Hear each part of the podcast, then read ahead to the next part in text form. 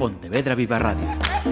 Cara a cara. Damas y caballeros, la Asociación de Directores de Informativos de Radio y Televisión da la bienvenida a Valentín Dacova.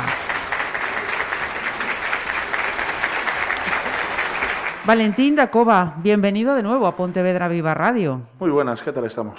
Muchas gracias por invitarme. Mira, han pasado prácticamente dos años mm, desde la anterior visita, era también marzo, era 2019, y sin adelantar motivos, porque hablaremos de, de ello, en estos dos años, ¿dónde se han producido más cambios en la vida de Valentín Dacova? ¿En el ámbito profesional o en el personal? En todos, creo. En Pero- todos y para bien. Bueno, para bien, con la situación que estamos pasando, los cambios vienen para bien y para mal, pero, pero en todos, en todos. En principio, para muy mal, porque el primer cambio fue de estar trabajando a un nivel alto, con una cantidad de conciertos importante, a pasar a cero, Ajá. es, es terrible.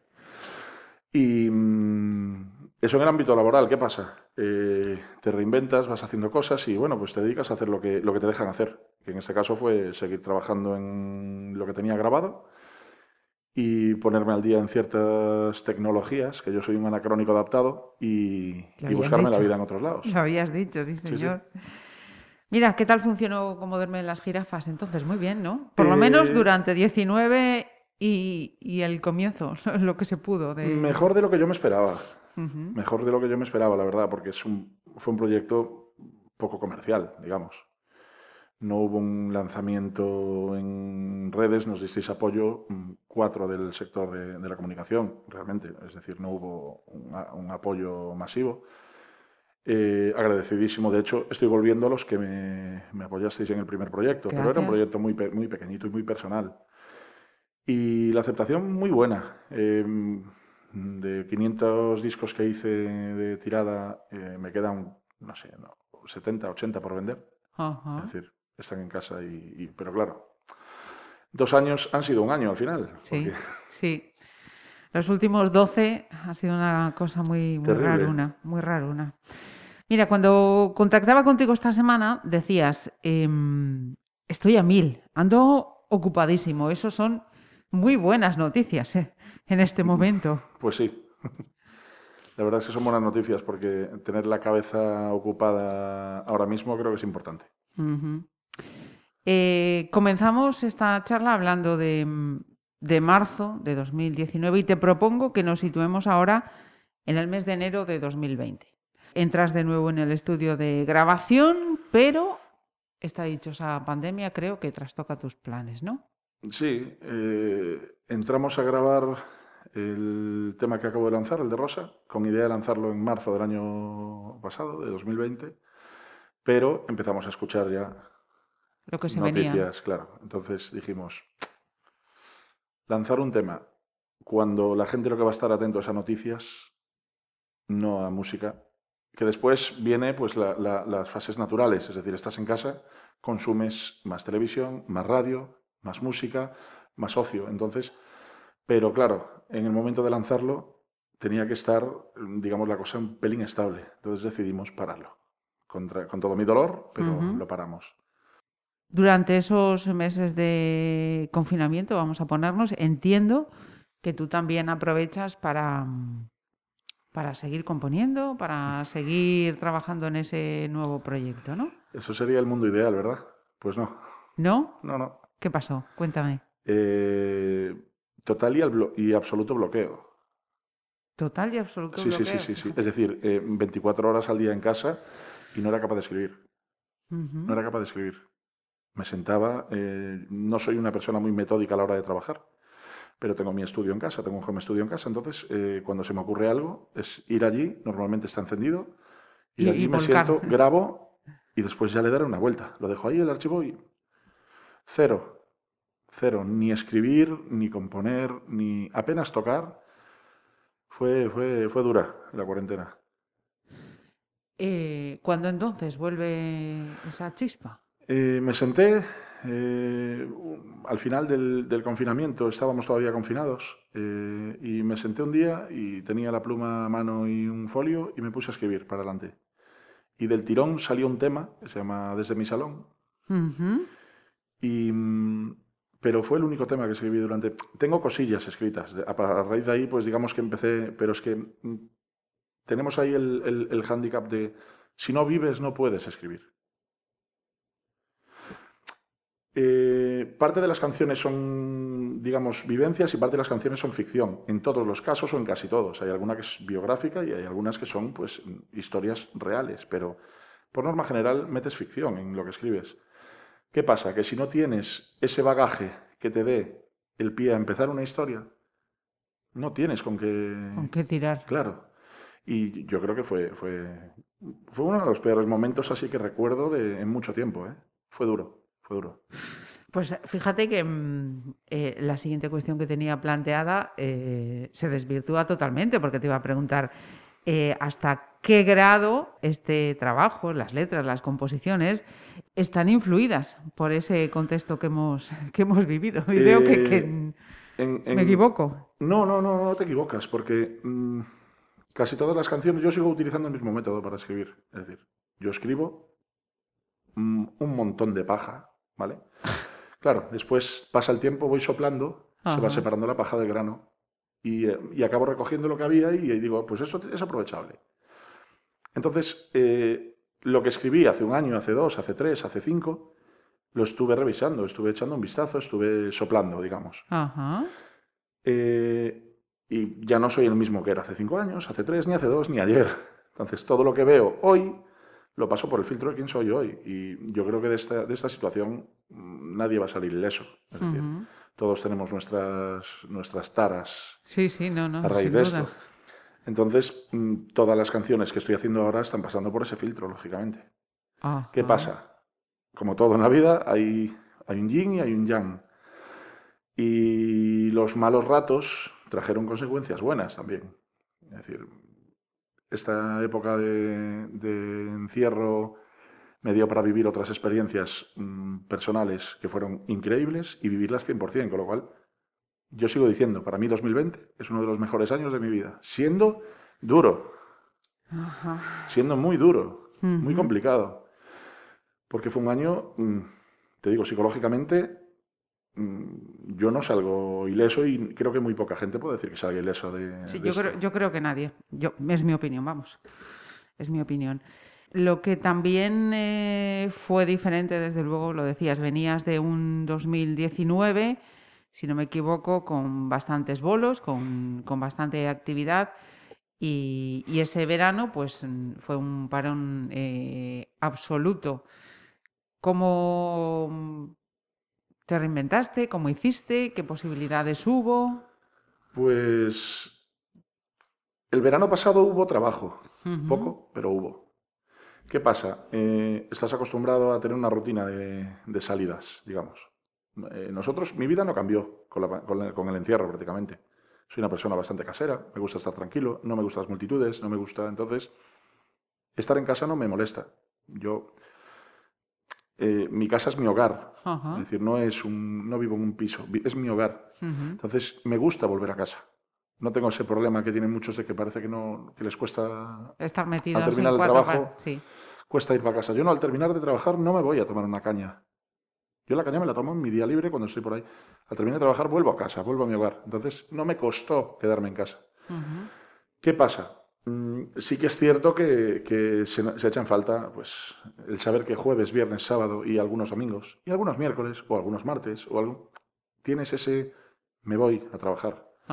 Entonces, mm, se echó en falta, se echó mucho en falta, mucho. Fue, fue terrible. ¿Qué pasa? Que suplimos con pues, otras historias, en aventuras en las que nos metemos. Nos explicas, fuiste eh, recuperando eh, trabajos que tenías eh, de atrás, eh, soplando, como decías, ¿no? Para separar el grano de, la paja. ¿Cuándo podemos decir que tienes ya este mm, segundo proyecto, digamos que ya conforme? Es decir, bueno, ya tengo aquí algo, ya con, el contenido suficiente para pensar en el siguiente paso. A ver, contenido hay para hacer. Pues si, si voy sacando EPs, no LPs, tengo para hacer cinco EPs. Bueno. O seis. Contenido hay. Ajá. Trabajos hay. ¿Qué pasa? El problema es el momento. Ajá. Yo esto ya tenía que estar sali- saliendo el año El pasado. año pasado, claro.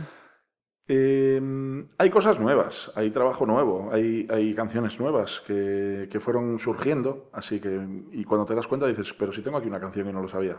Hay cosas nuevas, pero, como te decía, trabajo hay de sobra para meter en, en tres, cuatro, cinco, incluso seis trabajos nuevos. Y ahora lo que manda en la industria es trabajos cortos, single, eh, reunirlos en EPs, es decir, no voy a sacar un, un LP, voy a sacar. EP. Sí, sí, sí. Entonces, para hacer EPs, tenemos ahí. Hay unos cuantos. Sí, ahora mismo yo estoy girando. Bueno, ahora mismo no. El año pasado estaba girando con unos 21 temas en, en el setlist. Mm, Realmente tengo más, pero son con los, los que tengo, digamos, dados forma y cerrados. Ajá. Y son los que, los que suelo llevar. Decías que 2020, pese a toda esta caótica situación que hemos vivido, mm, es el, uno de los eh, mejores eh, de tu vida.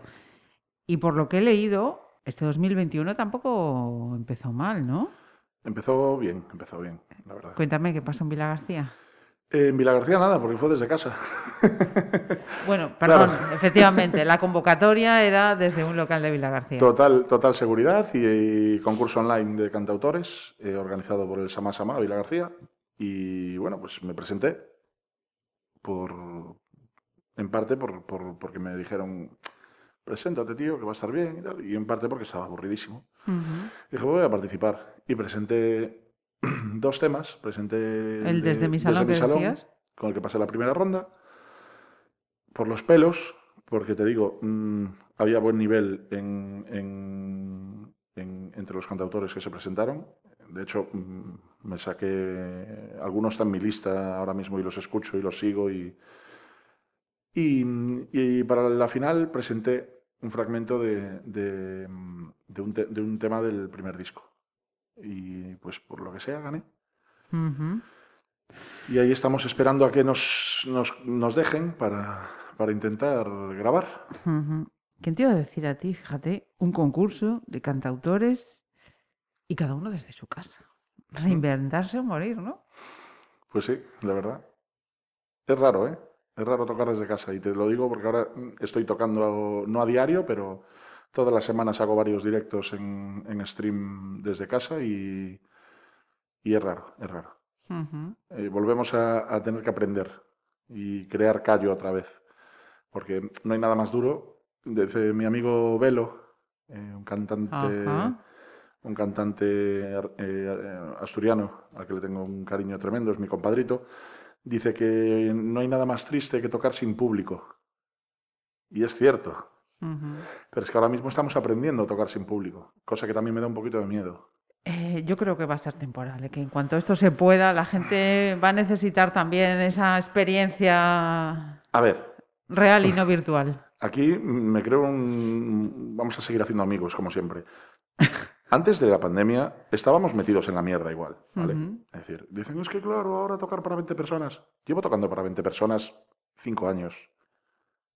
Si un concierto hay 30, doy palmas con las orejas. Di conciertos para dos personas. Y conciertos que disfruté como un enano, pero para dos personas.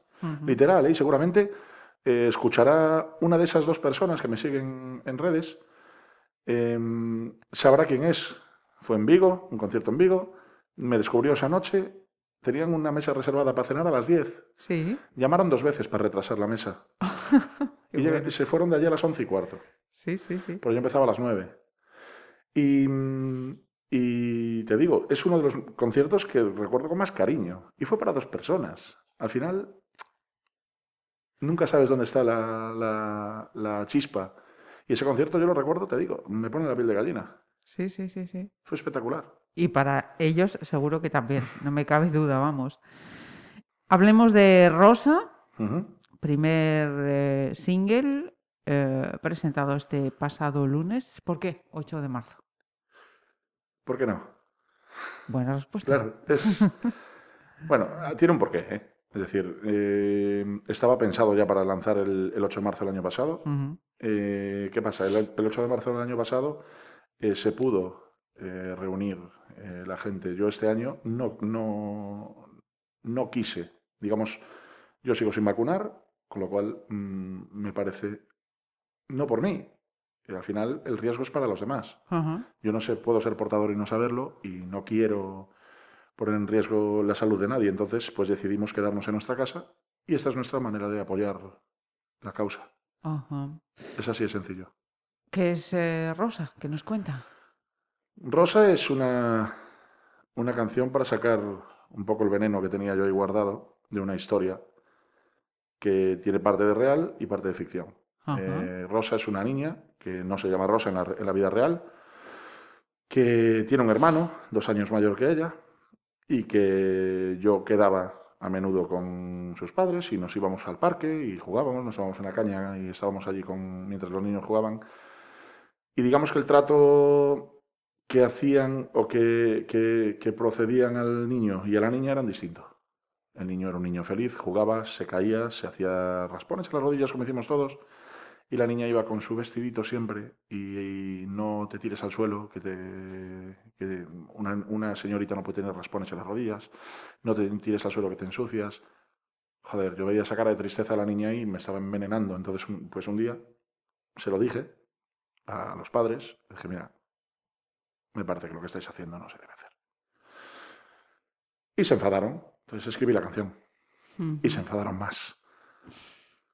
Y bueno, pues mm, lógicamente la historia después me la invento. Es una historia eh, que tiene parte de ficción, pero, pero también tiene parte de vivencias personales. Es decir, todo lo que, lo que hagamos va a tener repercusiones, tanto en nosotros como en los demás.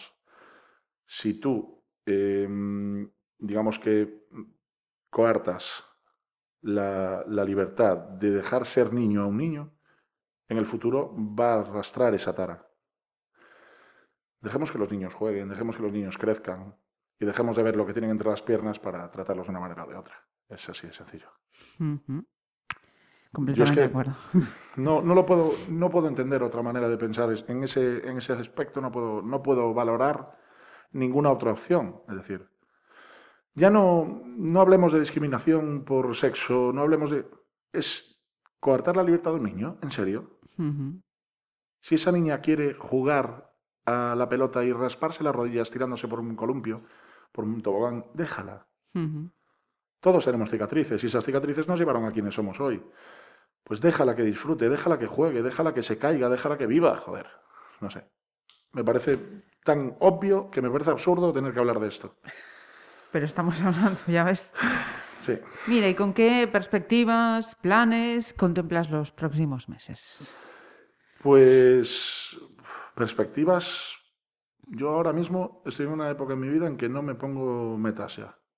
Mm, Como vaya viniendo. Iba a decir una frase, pero digamos que vamos a suavizarla. No, no, no Estoy- te preocupes. No, no, aquí. es que hay un, hay, un, hay un humorista que decía hace poco que ahora él es de la religión del sudapollismo. ¿Vale?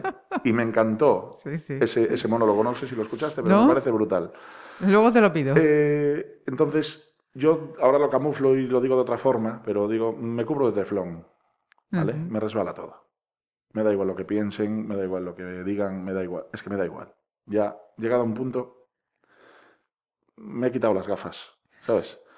Así que claro, porque se me empañan con la mascarilla, pero me quité las gafas. No, no sé quién me saluda por la calle, no sé si me está señalando siquiera, me da igual.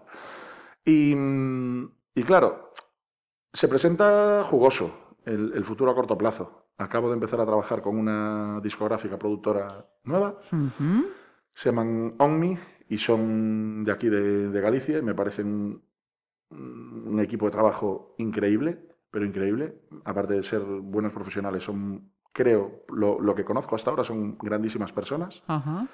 y, y currantes, además, que es lo que valoro más. Y empiezo a trabajar con ellos. De hecho, este, este próximo EP sale con su sello, sale bajo el sello de Omni. Ajá. A pesar de que la producción de este primer tema es de Rodrigo Valiente. Ujú. Recordarlo porque, porque me, parece, me parece interesante. Aparte tiene su sello, es muy reconocible. Sí. Si alguien se dedica a la música, em, reconocerá el sello de Rodrigo Valiente en este trabajo. En este EP va a haber otro tema em, producido por el señor Rodrigo Valiente y después habrá, pues yo calculo que unos cuatro más producidos por, por Carlos, Carlos Rodríguez, que es el productor de, de Omni, en este caso, y por todo el equipo de producción de Omni. Em, ¿Ya tiene nombre el EP o de momento...? Sí, tiene nombre. ¿Lo podemos decir o lo guardamos? Sí, no tengo problema. Ridícula Armonía se llama. Ridícula Armonía. Sí. De hecho, aparece, esa frase aparece en rosa. Supongo que la habrás escuchado un montón de veces ya. Eh, me, falta alguna para el montón. me falta alguna para el montón. Ayer, eh, cuando contactaba contigo y preparaba esto, sí que fui a una de las plataformas y, y la, la, escuché, la tenemos de hecho ya sacada para acompañar esta, esta entrevista. Y hablando de plataformas, eh, ¿dónde se puede escuchar ya? En todas, en todas. Yo creo que enciendes la, la Thermomix en casa y también. eh, es lo bueno que tiene trabajar con, con, esta gente. Bueno, ya el anterior disco lo escuchabas en todas las plataformas, pero eh, está en Spotify, en Tidal, en Deezer, en iTunes, en YouTube, en Amazon Music, en SoundCloud, en todas. en todas, en todas. Me voy a olvidar, es que hay alguna que no recuerdo el nombre. Ajá. Yo tendría que mirar el correo, ¿eh? hay alguna que no recuerdo el nombre. Son muchísimas. Cuando vi todas las, las, plataformas en las que se lanzaba, dije, pero no las conozco, no las nunca. Pero es que no puedo tener todas las aplicaciones en el móvil, no me da. Sí, a mí me pasa igual. A mí me pasa igual. Te he preguntado al principio que te había traído más cambios, si el ámbito profesional o el ámbito personal desde 2009. Y ahora quería ir eh, por Al personal. Ahí. Efectivamente. Sí. Háblanos de tu ese cambio tan gigantesco y que seguro que tiene mucha relación con eso de que 2020 haya sido uno de los mejores años de tu vida. Pues sí. Eh, ¿Sabes lo que dicen de, bueno, pues, aunque hay personas que dicen, es que mi vida dio un cambio de 360 grados? Digo, a ver, cuenta los grados, por Te favor. fuiste a quedar en el mismo punto Claro, donde eh, estabas. cuenta los grados. La mía está girando ahora mismo. Mi vida está girando. Es decir, estoy dando vueltas como una peonza. Porque no te- me puse los- las, mm, todo patas arriba. Acabo de tener una cría, tiene ocho meses, se llama Maya. Y, mm, y es increíble.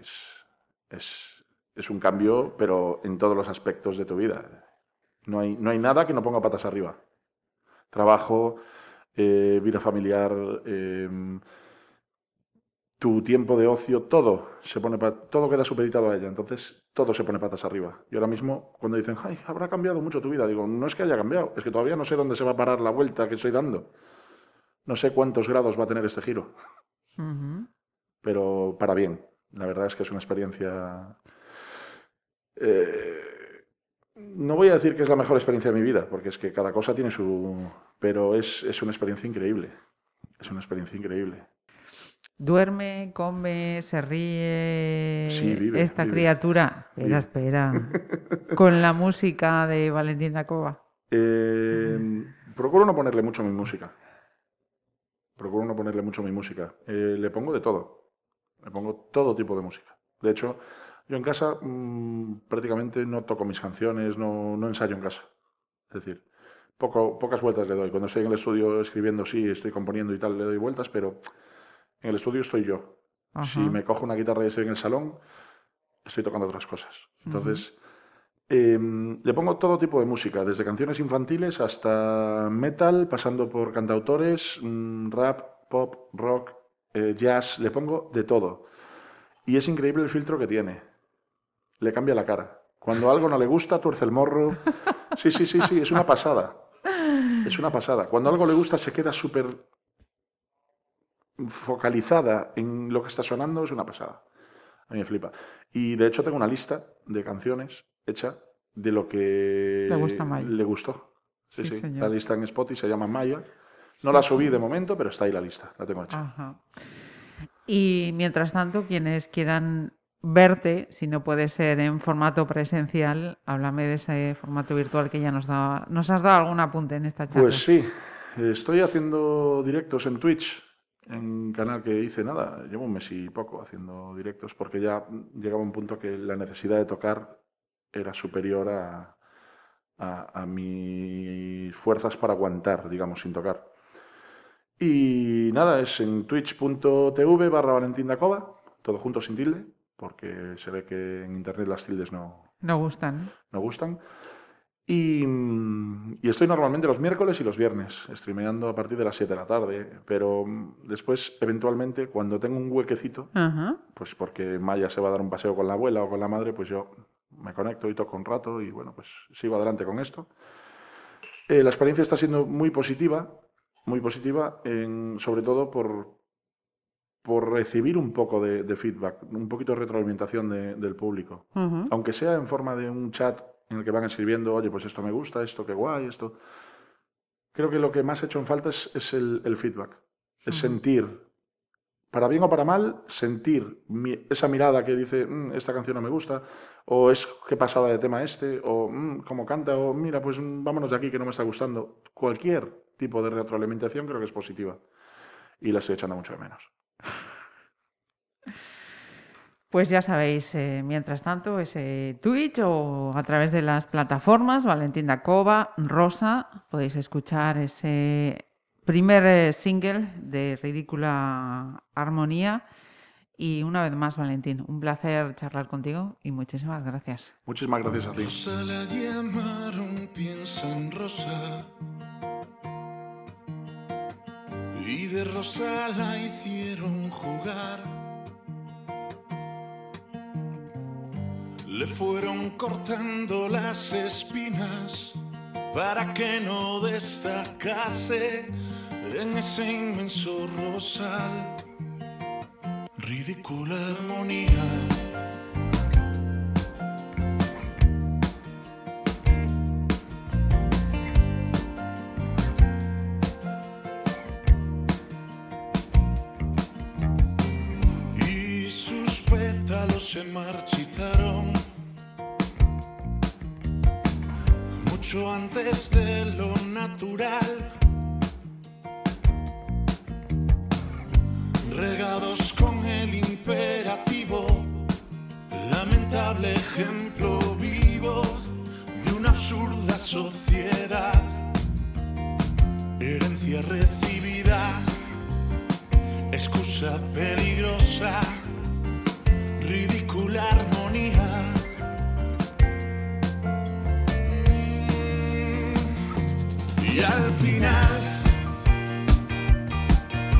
Esta historia es tan solo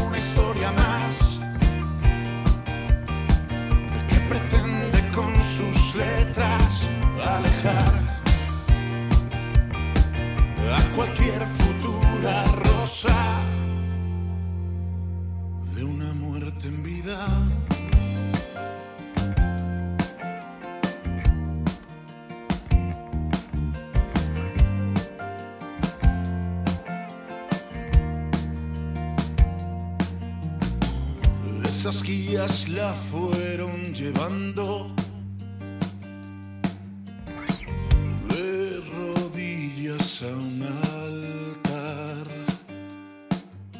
donde ansioso la estaba esperando con un gesto decidido ese príncipe vulgar. Y al final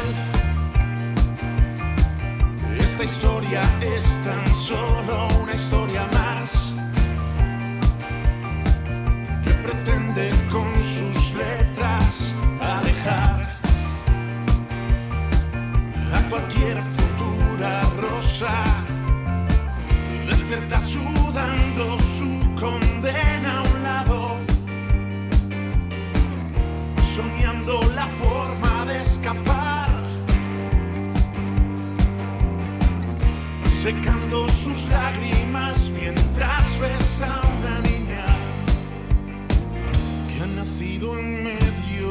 I'm Rosal.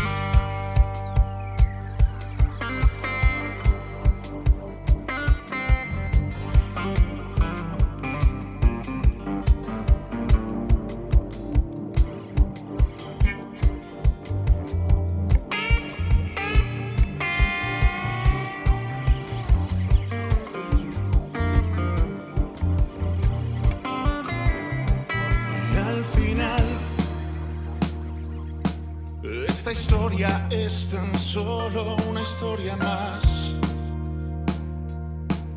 que pretende con sus letras alejar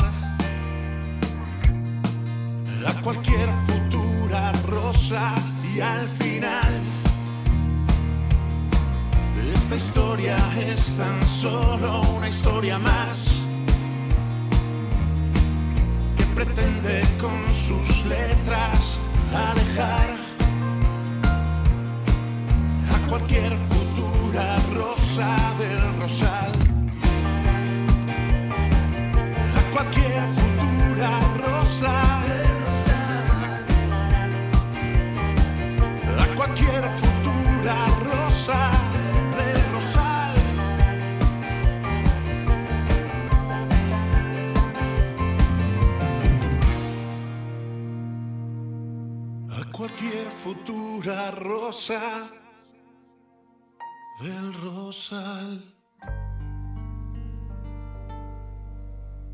Pontevedra Viva Radio. ¿Me permiten que les haga un comentario como espectadores del programa Cara a Cara? Según un reciente sondeo de mercado, ustedes disponen de estudios e inteligencias superiores a la media. Sus intereses abarcan desde la actualidad mundial y la ciencia hasta el deporte y los espectáculos.